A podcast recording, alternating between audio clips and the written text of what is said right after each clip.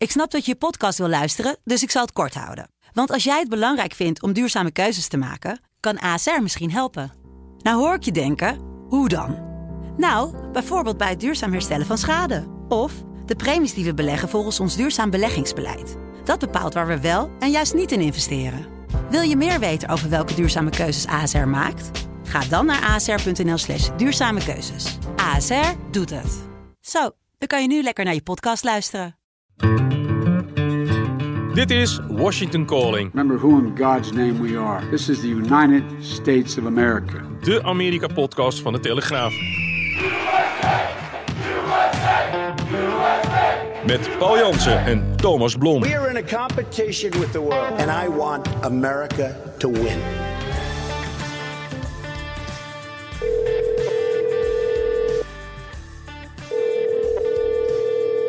Goedemorgen, Paul. Hey Thomas, goedemorgen. Goedemorgen. Wat een week. Wat een volle week. Ja joh, echt eh, ongelooflijk. Het We- is, eh, het is en blijft hier een snoepwinkel. Nou, maar we kunnen nu wel echt zeggen... het zomerseizoen is voorbij. eh, zoals we altijd in de, in de Tour de France zeggen na een week... de Tour is nu pas echt begonnen. Ja. Volgens mij is nu, nu het, het politieke jaar is nu weer echt begonnen. Wat een, Dat was eh, al niet saai in de zomer, maar Nee. eh, het, eh, als het zo in de stijgende lijn doorgaat, dan, eh, dan gaan we nog een spannend eh, journalistiek jaar tegemoet. Zeker, zeker. Ja. Het is misschien zelfs te veel voor dit half uur, dus laten we snel beginnen. Eh, om, om even eh, te balanceren voor het zwaardere werk waar we het straks over gaan hebben. ja, even, even, even dit. Finally, tonight's Mega Millions jackpot breaking records, now beyond $1 billion. Tonight, it's the big one. The Mega Millions jackpot now the largest in its history, soaring to more than a billion and a half dollars, 1.58 billion to be exact. Ja, Mega Millions jackpot die is gevallen vorige maand al, hè, eigenlijk. Maar hij is dus deze week is hij eindelijk opgeheist. Ja, er is iemand die kennelijk nog eens eh, in zijn administratie keek. en Dacht, goh, had ik toch niet aan de loterijen meegedaan. En die is nu 1,6 miljard, hè? 1,6 Oh. miljard dollar rijker. Althans, want ik heb het even uitgezocht. Als eh, hij of zij het bedrag over 30 jaar laat uitbetalen. Wat de meeste mensen doen, eh zegt van ik wil in één keer de hoofdprijzen in, dan krijg je de helft. Ah, Dit is trouwens nog niet eens het, het record, want er is ook nog een Powerball. Dat is een andere loterij met nummertjes. En eh, daar is vorig jaar een bedrag van maar liefst 2 miljard gevallen. Ja. 2 miljard. en dan heb je altijd al die verhalen van mensen die als ze een miljoen winnen al helemaal van het padje raken. Ja. Wat er met deze meneer of mevrouw gaat gebeuren, dat laat zich raden. Het, het aardige is ook dat je, want ik dacht van, ja, wat, wat- dit zijn toch duizelingwekkende bedragen. En het lijkt alsof dat de laatste tijd vaker gebeurt. En dat blijkt ook zo te zijn, want Fortune, het zakenblad blad Fortune, heeft uitgezocht dat er tot 2016, moet ik zeggen, eigenlijk nooit een prijs viel boven de 1 miljard. En sindsdien de een na de ander. En hoe komt dat nou?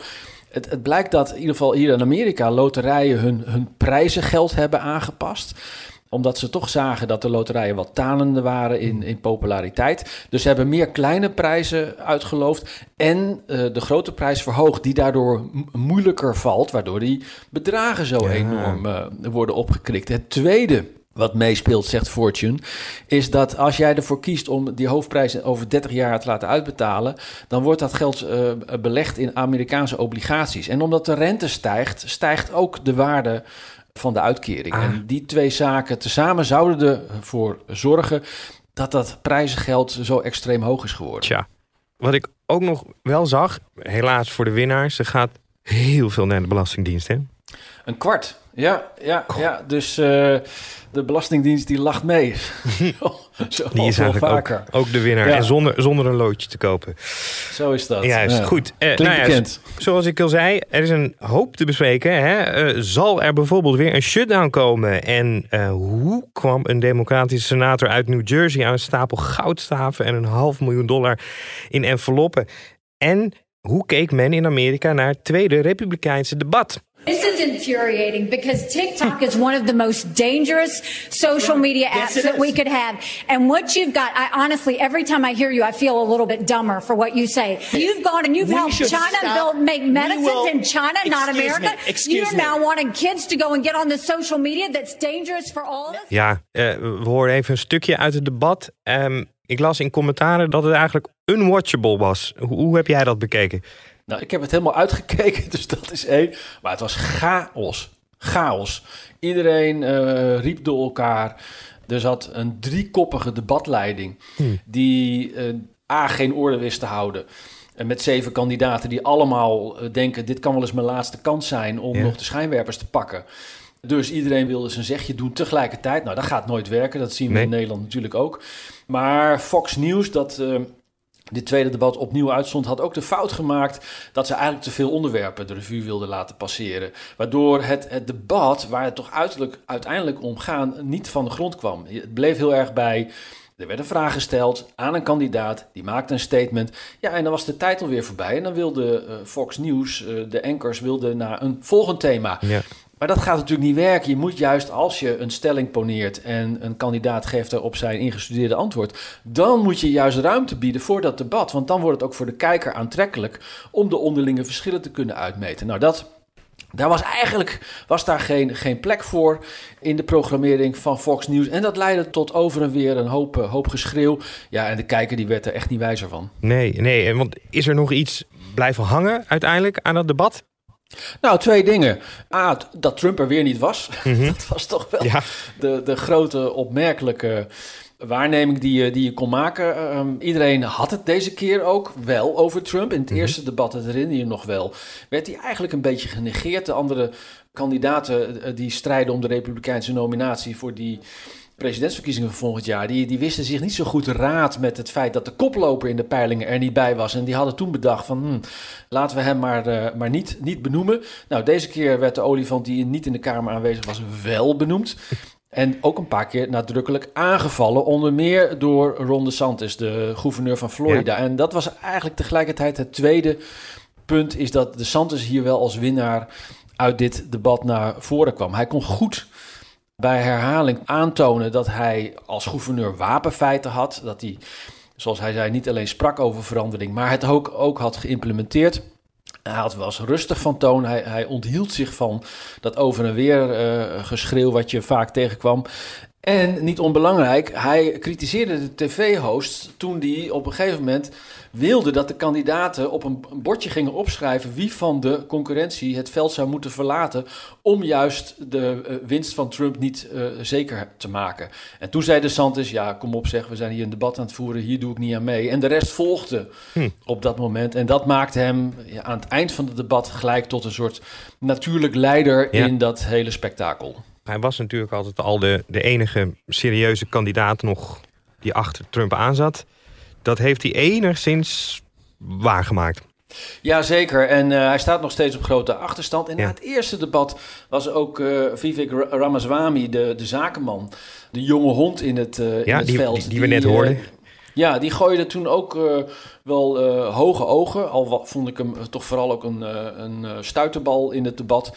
Ja, die kwam er deze keer echt niet aan te pas. Die werd Nee. ook eh, harder aangepakt door, eh, door de andere kandidaten. En eh, die zakte wel door het ijs. En er was natuurlijk ook nog een klein momentje, dat zag ik in ieder geval. Ik weet niet hoe dat in Amerika echt ook is blijven hangen. Maar Chris Christie die probeerde een nieuwe bijnaam voor Trump te lanceren. Donald Duck. You're not here tonight because you're afraid of being on the stage and defending your record. You're ducking these things. And let me tell you what's going to happen. You keep doing that, no one up here is going to call you Donald Trump anymore. We're going to call you Donald Duck. Ja, hij was echt, nou ja, ik vond hem ik, het flauwer dan flauw. Weet je, denk ik, joh, als je nou iets langer had nagedacht, had je misschien iets origineels kunnen vinden. Hè, maar in Hij, het hij Engels keek er is- heel triomfantelijk bij hè, toen hij hem, Ja, eh, toen hij hem het de was- lucht in nou slingerde. ja. Ik zag het hier en daar wel terug in de media. Hè, maar er werd dan gezegd dat Trump eh dook. Hè, nou, Ja. he, he ducked. Dat, i- ja, Eh, dat is natuurlijk En knap. dus zei Christie, hij is niet Donald Trump, maar Donald Duck. Nou ja, ha, ha, ha. Ja, ik, eh, ik heb daar niet zoveel mee. Nee. Ik vond het, vond het erg flauw. En wat ik aan de reactie in de zaal hoorde, was die ook niet heel erg uh, En het valt een sowieso... lachsalvo getroffen. Nee, Hè? en het valt sowieso niet bij wat de Donald zelf allemaal bedacht heeft Ja. voor zijn, voor zijn eh, concurrent in het verleden. En dan is het natuurlijk de, de man waar het, eh, nou ja, de afwezige, daar ging het ook nog ergens anders over. Die, die deed zijn eigen event in Michigan, hè? Ja, dat klopt. Hij was naar eh, Detroit, de autostad, afgereisd. En eigenlijk een herhaling van wat hij bij het eerste de Republikeinse debat deed toen hij ook niet aanwezig was, maar zijn eigen mediamoment creëerde. Bij de eerste keer was dat met een eh, interview met Tucker Carlson, de oud Fox News uh, opiniemaker.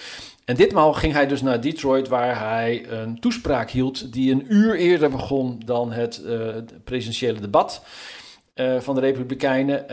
en, en Trump echt Trumpiaans, uh, week natuurlijk weer in een veelvoud af van de teksten die hij moest oplezen. En um, zijn toespraak sleepte zich daardoor maar voor tot diep in de tijd. want er zat namelijk een uur tussen, tussen dat Trump begon in, uh, in Michigan en uh, het, het Republikeinse debat. Ja, en alle bekende stokpaardjes uh, passeerden weer de revue. Wat Biden crooked is, dat de justitie tot politiek wapen is gemaakt, dat het met de economie naar de malle moeren gaat onder de democraten, de migrantencrisis en, en noem zo maar op. Joe Biden, the Democrat Party and their political cronies ceased to serve your interests a long time ago. They don't care about you. He puts America last. He puts our workers last. I put America first every single time. En hij had ook nog een sneer natuurlijk naar de kandidaten die uh, aan het debatteren waren. Want volgens mij vroeg hij het publiek... zit hier een vice-president kandidaat tussen? Volgens mij niet, hè? Dat was... Uh... Ja, dat, is, dat hoort natuurlijk ook uh, bij Trump, die als het hem even uitkomt, uh, morgen weer iets anders kan roepen. Ja. Wat dat betreft, als hij wel een kandidaat zoekt. Maar opmerkelijk was überhaupt dat Trump ervoor koos naar um, Detroit af te reizen. Daar vindt al een, een, een tijd een staking plaats bij de drie grote autofabrikanten. Dat is toch een, van de grote vakbond daar uh, geldt toch als een democratisch bolwerk. En Trump kondigde aan, ik ga eigenlijk naar de Hol van de Leeuw. En hij wilde de steun van de arbeiders en van, van de union daar. Daar schrok het Witte Huis dusdanig van dat Biden hals over kop een dag eerder naar Detroit is afgereisd. Om daar als eerste president ooit, heb ik kunnen lezen hier in de media, mee te lopen in. De, je hebt hier de picket line, hè, dus dan gaan uh, lopen ze in een soort rondje lopen stakers met, met borden om uh, ja, hun uh, eisen kracht bij te zetten. En de, uh, president Biden ging daarin meelopen. En dat moest een statement zijn dat hij solidair was met de vakbond en met de stakers. Want de, de UAW, de grote autovakbond, heeft zich tot nu toe nog niet uitgesproken wie er volgend jaar op de steun kan rekenen. En Michigan ging in 2016 naar Trump en in 2020 naar Biden. Dus Mhm. dat is nou echt zo'n zo'n swing state waarom geknokt wordt. En je ziet dat zo'n bezoek aan de autostad nu al hoort bij de inleidende beschietingen. Ja, en inderdaad, je zegt al, het, het ging eh, in 2016 naar Trump. Daarvoor was het altijd al een democratisch bolwerk, lange tijd. Dus dat, is, het is een, eh, dat was toen ook een heel pijnlijk punt, geloof ik, voor de democraten. Die echt dachten, oh jee, wat hebben we nou verkwanseld? Dat gaan we niet nog een keer Nee, en dat zie je nu dus ook in die, in die toch wat paniekerige reactie, hals over kop. Ja. eh, dat de president ook afreist, een dag voordat Trump, die natuurlijk eerder had, al had aangekondigd dat hij zou gaan. En zo proberen ze elkaar toch de loef af te Ja, steken. Ja, ja, en Trump was natuurlijk naast dit eh, ding nog meer in het nieuws. Want er was een rechtszaak, of een uitspraak eh, door een rechter in een rechtszaak die loopt in de staat New York. Dat was al een, nou ja, een opvallende uitspraak, hè, Paul? Ja, dat was echt wel een, een, een, een bom. Trump zou Trump niet zijn als hij daar toch weer wat schouderophalend op, eh, op reageert. Maar de rechter heeft eh, geoordeeld, het is een beetje een complexe zaak. Er Mhm. loopt een civiele zaak, niet een strafrechtelijke zaak, maar een civiele zaak van de aanklager in New York tegen eh, Trump en zijn zakenimperium. En de kern daarvan is dat de beschuldiging luidt dat Trump via de Trump-organisatie de waarde van zijn bezittingen ver boven de marktwaarde zou hebben opgekrikt om zo goedkope leningen en verzekeringen te kunnen afsluiten. Nou, nou zou je normaal gesproken verwachten dat banken en verzekeraars die daarvan de dupe zijn, dan aangifte gaan doen of zich beklagen of, of zelf een zaak beginnen. Maar niets van dat al. Het is eh, de aanklager, een democratische aanklager in New York, die zelf deze handschoenen heeft opgepakt, ervoor heeft gekozen om een civiele zaak te beginnen. Want dan kon er een enorme claim worden neergelegd. En die claim die bedraagt maar liefst 250 miljoen Mhm. dollar. Nou, die zaak die begint begin oktober. En in aanloop daar naartoe heeft zowel de aanklager als het advocatenteam van Trump bij de rechter een aantal zaken voorgelegd om een, alvast een uitspraak te krijgen. Nou, het team van Trump wilde natuurlijk dat die, dat die hele zaak eigenlijk naar de prullenbak werd uh, verwezen. Daar wilde de rechter niet aan. En de aanklager die wilde uh, alvast een uitspraak of het klopt dat Trump inderdaad uh, zich schuldig heeft gemaakt aan fraude door de waarde van zijn bezittingen uh, oneigenlijk hoog in te schatten. En de rechter heeft daarover gevonden dat dat inderdaad het geval is. Met als gevolg dat uh, Trump zijn uh, bedrijfslicentie in New York kwijtraakt. Nou, waarom is dat belangrijk? Zonder bedrijfslicentie kan je gewoon geen zaken doen. Nee. En dat betekent dat er uh, een curator zou moeten worden aangesteld, die vervolgens over beslissingen kan nemen over alle zakelijke beslommeringen van Trumps zakenrijk. En Trump blijft wel eigenaar van al zijn uh, investeringen, uh, hotels, uh, golfresorts, media imperium, noem het allemaal maar op. Maar hij zou daar dan niet meer de controle over hebben. Nou, zover is het overigens nog niet. Er kan nog hoger beroep worden aangetekend en experts zeggen, nou ja, dit, dit wordt een dispuut wat zich nog jaren zou kunnen voortslepen. Maar het is wel iets wat, wat Trump zakelijk hard kan raken. En bovendien opnieuw, en dat is ook belangrijk bij hem, zijn trots krenkt. Nou ja, dat zat ik dus meteen aan te denken, nog los van het financiële aspect. Dat is natuurlijk bij, bij Donald Trump nou net. Dat is zijn hele imago. Hè? Dat het een zakenman is die succesvol is. En vooral ja. heel rijk. I'm a billionaire. Think like a billionaire. Dat was volgens mij zijn, zijn boek. Zijn eerste boek waar hij... Uh, nou ja, was door iemand anders geschreven. Maar daar werd hij uh, uh, beroemd mee, onder meer. Nou ja, dit zou natuurlijk totaal daarin tegen ingaan tegen dat ja. zorgvuldig opgebouwde imago. Nou ja, kijk, ik vind, ik vind wel, Amerikaanse media hebben er een handje van om uh, hem neer te sabelen. Uh, onder andere omdat uh, Trump geen inzage heeft gegeven in zijn belastingaangifte. En dat zou dan zijn gebeurd omdat daaruit blijkt dat hij veel minder belasting ja. betaalde dan hij zelf zei. Wat weer het gevolg is dat hij niet zo'n succesvol zakenman zou zijn als Trump zelf beweert. Maar we moeten niet vergeten... Uh, hij heeft dan weliswaar zijn, uh, de waarde van zijn bedrijven uh, opgekrikt. Maar de man is en blijft wel miljardair. En dat word je niet zomaar, tenzij je de loterij wint. Ja. Dus, laten we, dus het beeld wat in Amerikaanse media wordt opgeroepen... alsof hij een, een totale mislukking is... ja, dat vind ik gewoon echt ook lachwekkend. Maar dat zegt iets over, over hoe gepolariseerd het hier is, ook, ook in de media. En wat wel opvallend is, is dat deze civiele kwestie die in New York dient en die, die Trump echt wel, echt wel raakt, ja, is natuurlijk nog maar één van de, van de vele zaken, van de vele pijlen die op Trump gericht zijn. Er lopen inmiddels vier strafzaken. Er loopt nog een andere civiele zaak. En, ja, de, de, de nou, verkrachtingszaak is dat, hè? Doe je op, denk ja, ik? Ja, ja. ja uh, hij is niet voor verkrachting veroordeeld, maar wel voor seksueel misbruik. Ja. Maar in ieder geval, Trump is, is niet alleen heel veel geld kwijt aan al die zaken. En zeker als die claim van 250 miljoen zou moeten worden betaald op enig moment. Maar vooral ook tijd.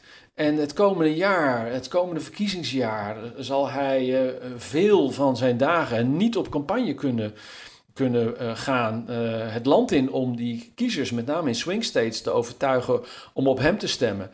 maar zal die in de rechtbank moeten doorbrengen in een van de vele rechtszaken, strafrechtelijk en civiel, die nu spelen. En ja, zeggen de Republikeinen, dat kan geen toeval zijn. Nee, nee. Nou is hij wel natuurlijk goed om ook weer dit uit te melken. En in ieder geval de mugshots die hij al heeft gepubliceerd, dat soort dingen, dat, dat legt hem ook geen windeieren, hè? Nee, ja, ik denk dat Trump het enige juiste doet in deze. En dat is uh, uh, namelijk van het nadeel een voordeel maken door te zeggen: dit maakt allemaal deel uit van de gevestigde orde die niet wil dat ik als uh, buitenstaander die in 2016 de, de hele macht van, van de plusplakkers uh, overhoop heeft gehaald. Die, wil, die gevestigde orde wil niet dat ik nog een keer terugkeer. Nee. En uh, door dat zo te framen, uh, maakt hij al die rechtszaken en alle problemen die, die voor een andere politicus misschien het einde zouden betekenen.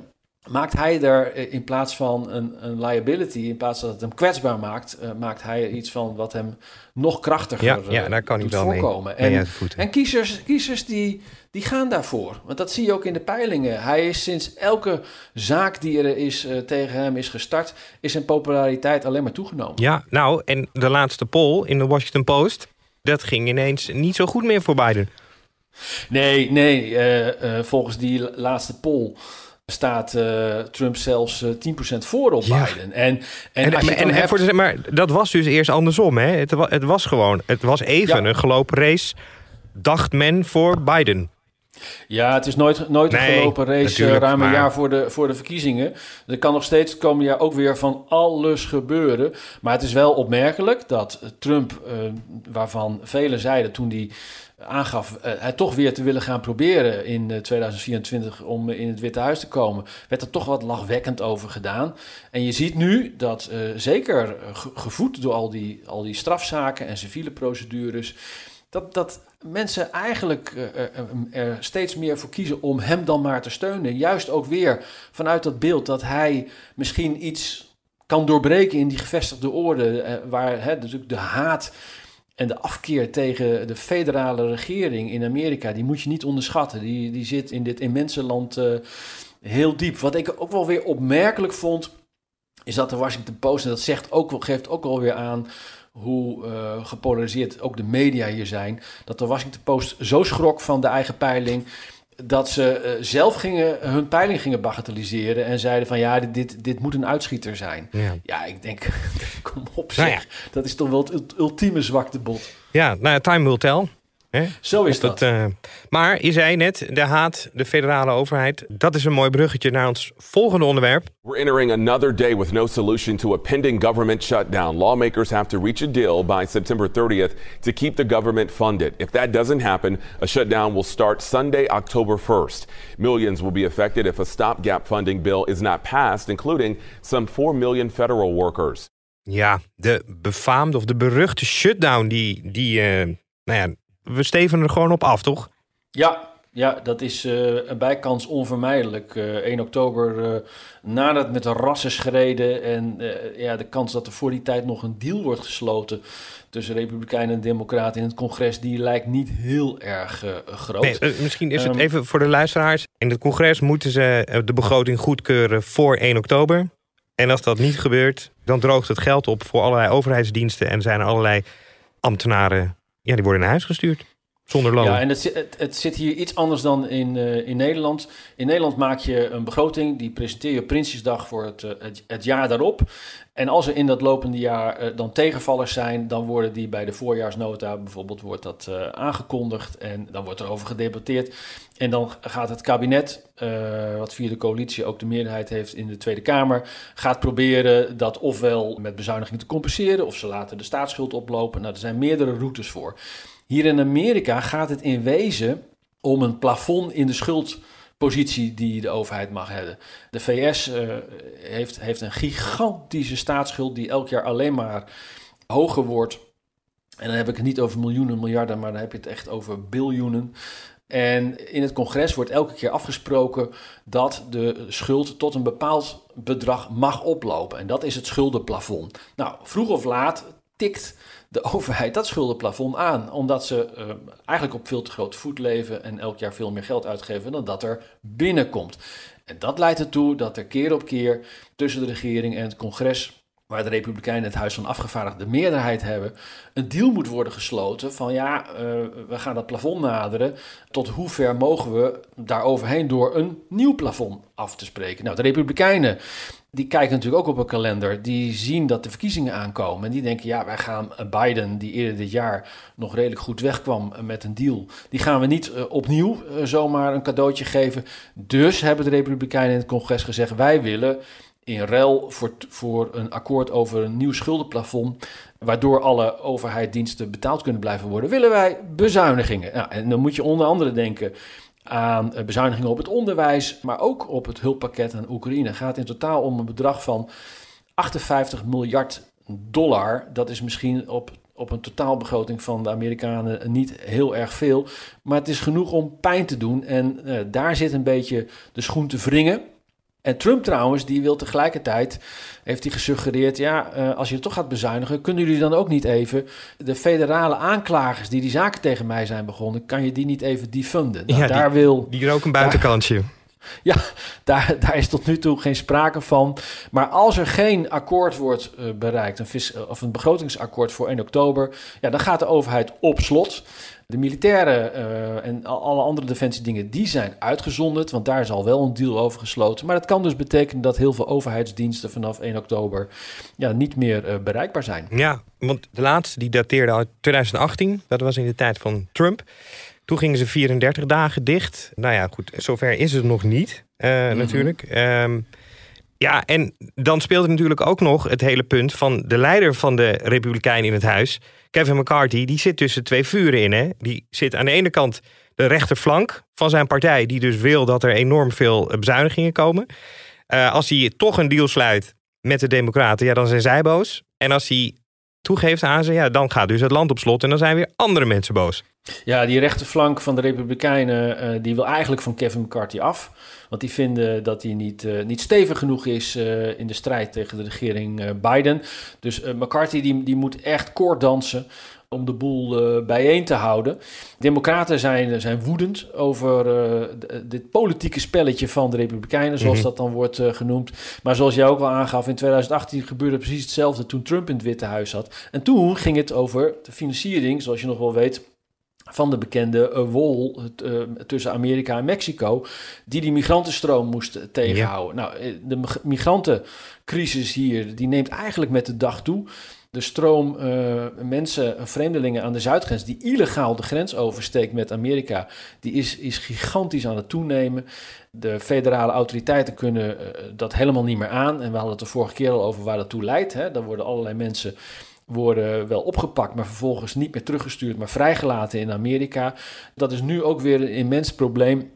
En de Republikeinen zullen het, het niet nalaten om dat de hele tijd te blijven uitventen en uh, in het uh, gezicht van de regering Biden uh, te wrijven. Dus er is genoeg strijd hier om om de spanning nog tot 1 oktober hoog te houden. En ja, ik waag te betwijfelen of, of er een deal wordt gemaakt. Ja. Het lijkt er toch echt op ja. dat die shutdown er gaat komen. Spannend. Zondag 1 oktober, dan is het nou ja, zover of niet zover. Dan nog een, nou ja, op kleinere schaal een, een, een schandaal. Bob Menendez, een democratische senator uit New Jersey...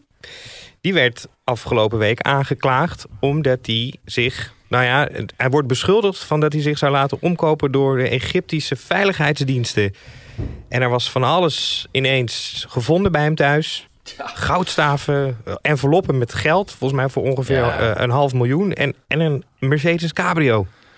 Het is het ongelooflijk als je dat verhaal leest. De FBI uh, heeft vorig jaar al, hè, mind you, vorig jaar mm -hmm. al die inval gedaan. En het eerste wat, wat, wat er nu ook werd gezegd, waarom heeft het zo lang geduurd voordat die zaak dan wordt, uh, wordt opgebracht? Maar goed, deze senator uit New Jersey, daar is inderdaad 400.000 aan cash gevonden, verstopt in, in kleding in, in de kasten en nog 100.000 aan uh, goudstaven. Voor, voor noodgevallen, over, zei hij, hè? Ja, hij zei van ja, 400.000 uh, aan cash. Ja, dat is, dat is nou, nou, net een goed bedrag wat je nodig Zeker. hebt voor, voor noodgevallen. Maar dat hebben wij toch uh, ook thuis liggen, Paul? Uh, ik, ik wel, maar ik zeg alleen niet waar. uh, en, uh, maar mind you, hè, een senator verdient in Amerika een kleine 200.000 dollar. Om dan een half miljoen in, in je kast en, en, kleding te hebben liggen. En nog een leuke Mercedes voor de deur. Ja, dat, dat doet natuurlijk wel wat wenkbrauwen ja. fronsen.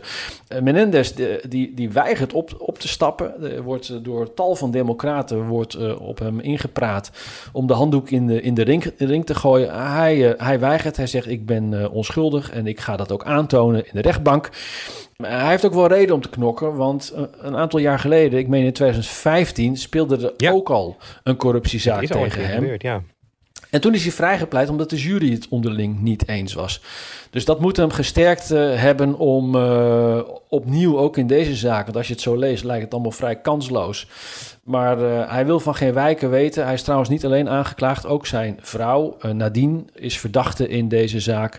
En dat zou inderdaad te maken hebben met, met omkoping door Egyptische zakenmensen in ruil voor allerlei uh, diensten die, ja, uh, die niet in het, uh, in het belang van Amerika zouden zijn. Nou ja, en het, kijk, dit is natuurlijk een dit is spektakel, zoiets. Maar het heeft natuurlijk ook een serieus kantje. Want de Democraten die, die vrezen dat als dit nu doorgaat zo, dat ze wel eens hun meerderheid, krappe meerderheid in de Senaat kunnen gaan verliezen door dit gedoe. Ja, zeker. Uh, goed punt. Uh, de Democraten hebben één zetel meer in de Senaat dan de Republikeinen. Ja, en dit zou natuurlijk wel net eens even de zetel kunnen zijn. Ja. Die volgend jaar staat hij namelijk weer. Uh, ook uh, verkiesbaar, die ze zouden kunnen gaan verliezen. Nou hebben ze natuurlijk nog de steun van die drie onafhankelijke senatoren... die de, de marge net iets groter maken dan één. Maar dit zou wel een, uh, een gevoelige klap zijn als ze deze zetel volgend jaar zouden, zouden gaan verliezen. Elke zetel telt, dus dat is reden te meer om te zeggen... joh, Menendez, ga jij je nou maar op je rechtszaak concentreren, doe een stap terug... dan vullen wij die zetel wel op tot volgend jaar. En dat is natuurlijk allemaal bedoeld inderdaad om, uh, om uh, de meerderheid in de Senaat veilig ja. te stellen. Nou, we gaan het wederom zien. Dan, dit is uh, nou ja, een ander schandaal. jouw mediamoment van de week. Ja. ja, wacht, laten we eerst even de aanleiding ervan van luisteren. We have here in the chamber today Ukrainian Canadians, Ukrainian Canadian world veteran from the Second World War who fought the Ukrainian independence against the Russians and continues to support the troops today, even at his age of 98. Ja, dit was het fragment van Anthony Rota. Dat is de parlementsvoorzitter van het Canadese parlement. Die begaat een enorme blunder, want hij geeft, of hij laat het parlement een staande ovatie brengen aan een Oekraïner die voor de SS heeft gevochten. Ja, zoals je hoort, uh, uh, deze inmiddels ex-parlementsvoorzitter ja. Rota, want die, is, uh, die heeft intussen zijn biezen gepakt. Als je hem al hoort zeggen dat deze 98-jarige Oekraïense Canadees heeft gevochten tegen de Russen. Ja, wij hebben op school toch allemaal wel geleerd dat de Russen samen met de geallieerden ehm, de wapens oppakte tegen Nazi-Duitsland. Dus als jij dan ja. uh, iemand, iemand in het zonnetje zet die tegen de Russen heeft gevochten, ja, dan moeten toch alle alarmbellen meteen afgaan.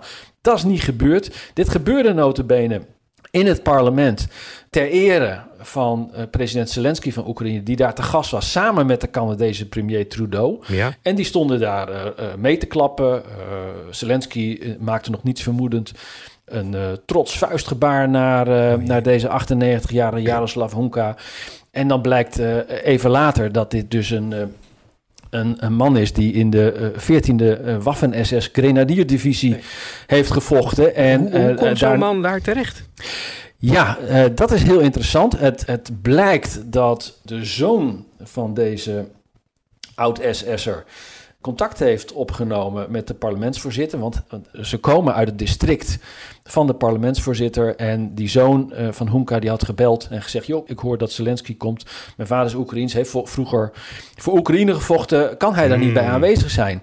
En ik vermoed een medewerker van het bureau van de parlementsvoorzitter... die misschien niet zo goed opgelet heeft op school... dacht, hé, hey, dat is aardig. Dat is leuk. Uh, gevochten voor Oekraïne tegen de Russen. Is dat niet iets wat nu weer speelt? Weet je wat, we gaan de man even in de schijnwerper zetten... met, met een hoop ellende tot gevolg. Een, een andere vraag, uh, of trouwens, dit kwam aan het licht omdat Joodse organisaties meteen dachten van, ja, hier klopt iets helemaal niet. En die zijn gaan, uh, gaan graven en kwamen binnen de kortste keren achter dat deze meneer dus uh, bij de, vrijwillig bij de SS zat. En tot tien jaar geleden notabene op een uh, online platform daar nog over heeft verteld dat het de mooiste tijd van zijn leven oh, was. Uh, oh, dat ook nog. In, uh, in de Tweede Wereldoorlog. En als je dan weet dat die divisie waar hij bij vocht. En niet alleen tegen de Russen heeft gevochten, maar ook uh, de meest gruwelijke oorlogsmisdaden tegen burgers heeft begaan. En, en ook uh, verantwoordelijk is voor de dood van heel veel, uh, heel veel Joden. Ja, dan snap je wel dat de positie van de parlementsvoorzitter niet meer houdbaar was geworden. Het is trouwens inmiddels een internationale rel geworden. Hè. Polen eist, eist nu ook excuses van, van Canada. Want zeggen ze, ja, die divisie die heeft ook veel Poolse burgers vermoord. Het Kremlin heeft gereageerd en gezegd: ja, dit is echt een probleem van het Westen. Die, we, die weten niet meer. Die snappen het niet, ja. Die snappen het niet, weten niet meer wie er vroeger voor, voor hun gevochten heeft. En ik vroeg, me, ik vroeg me ook af: van ja, hoe is deze man nu uiteindelijk in Canada beland? En het blijkt dus dat uh, de divisie van deze SS'er zich aan het eind van de oorlog heeft overgegeven aan de Britten. 9000 man sterk naar Engeland is verscheept. En in 1950 zat Engeland zo met deze groep in de maag dat ze aan andere landen van het gemene best, waar Canada ook deel van Mhm. uitmaakt, heeft gevraagd van kunnen jullie niet een deel van deze krijgsgevangenen opnemen. En 2000 uh, Oekraïense SS'ers zijn toen overgebracht naar Canada. Heel lang is daar eigenlijk geen woord aan vuil gemaakt tot uh, Joodse organisaties in de jaren 90 dit uh, aan het licht brachten, wat hier zich allemaal heeft afgespeeld. En het blijkt bijvoorbeeld dat in Canada nog steeds twee monumenten staan voor Oekraïense SS'ers. Wat ook een soort mini-bedevaartoord is voor die groep. Nou goed, dat komt nu te midden van deze rel allemaal weer in de media naar boven. En ja, Canada zit natuurlijk gigantisch mee in zijn maag. Ja, ja. en de beleefde Canadezen die dan zoiets nou ja, laten gebeuren. Nou ja, en ook, ook, een, ook een grove belediging voor al die Canadezen die gevochten hebben. Hè? Natuurlijk grote delen van Nederland zijn, ja, daar zijn wij door bevrijd, ja. Ja, mijn, mijn geboortestad Zutphen is bevrijd door de Canadezen. Er zijn geloof ik 45.000 Canadese uh, soldaten omgekomen in de Tweede Wereldoorlog. Er hebben circa een miljoen Canadezen meegevochten, als ik me niet vergis.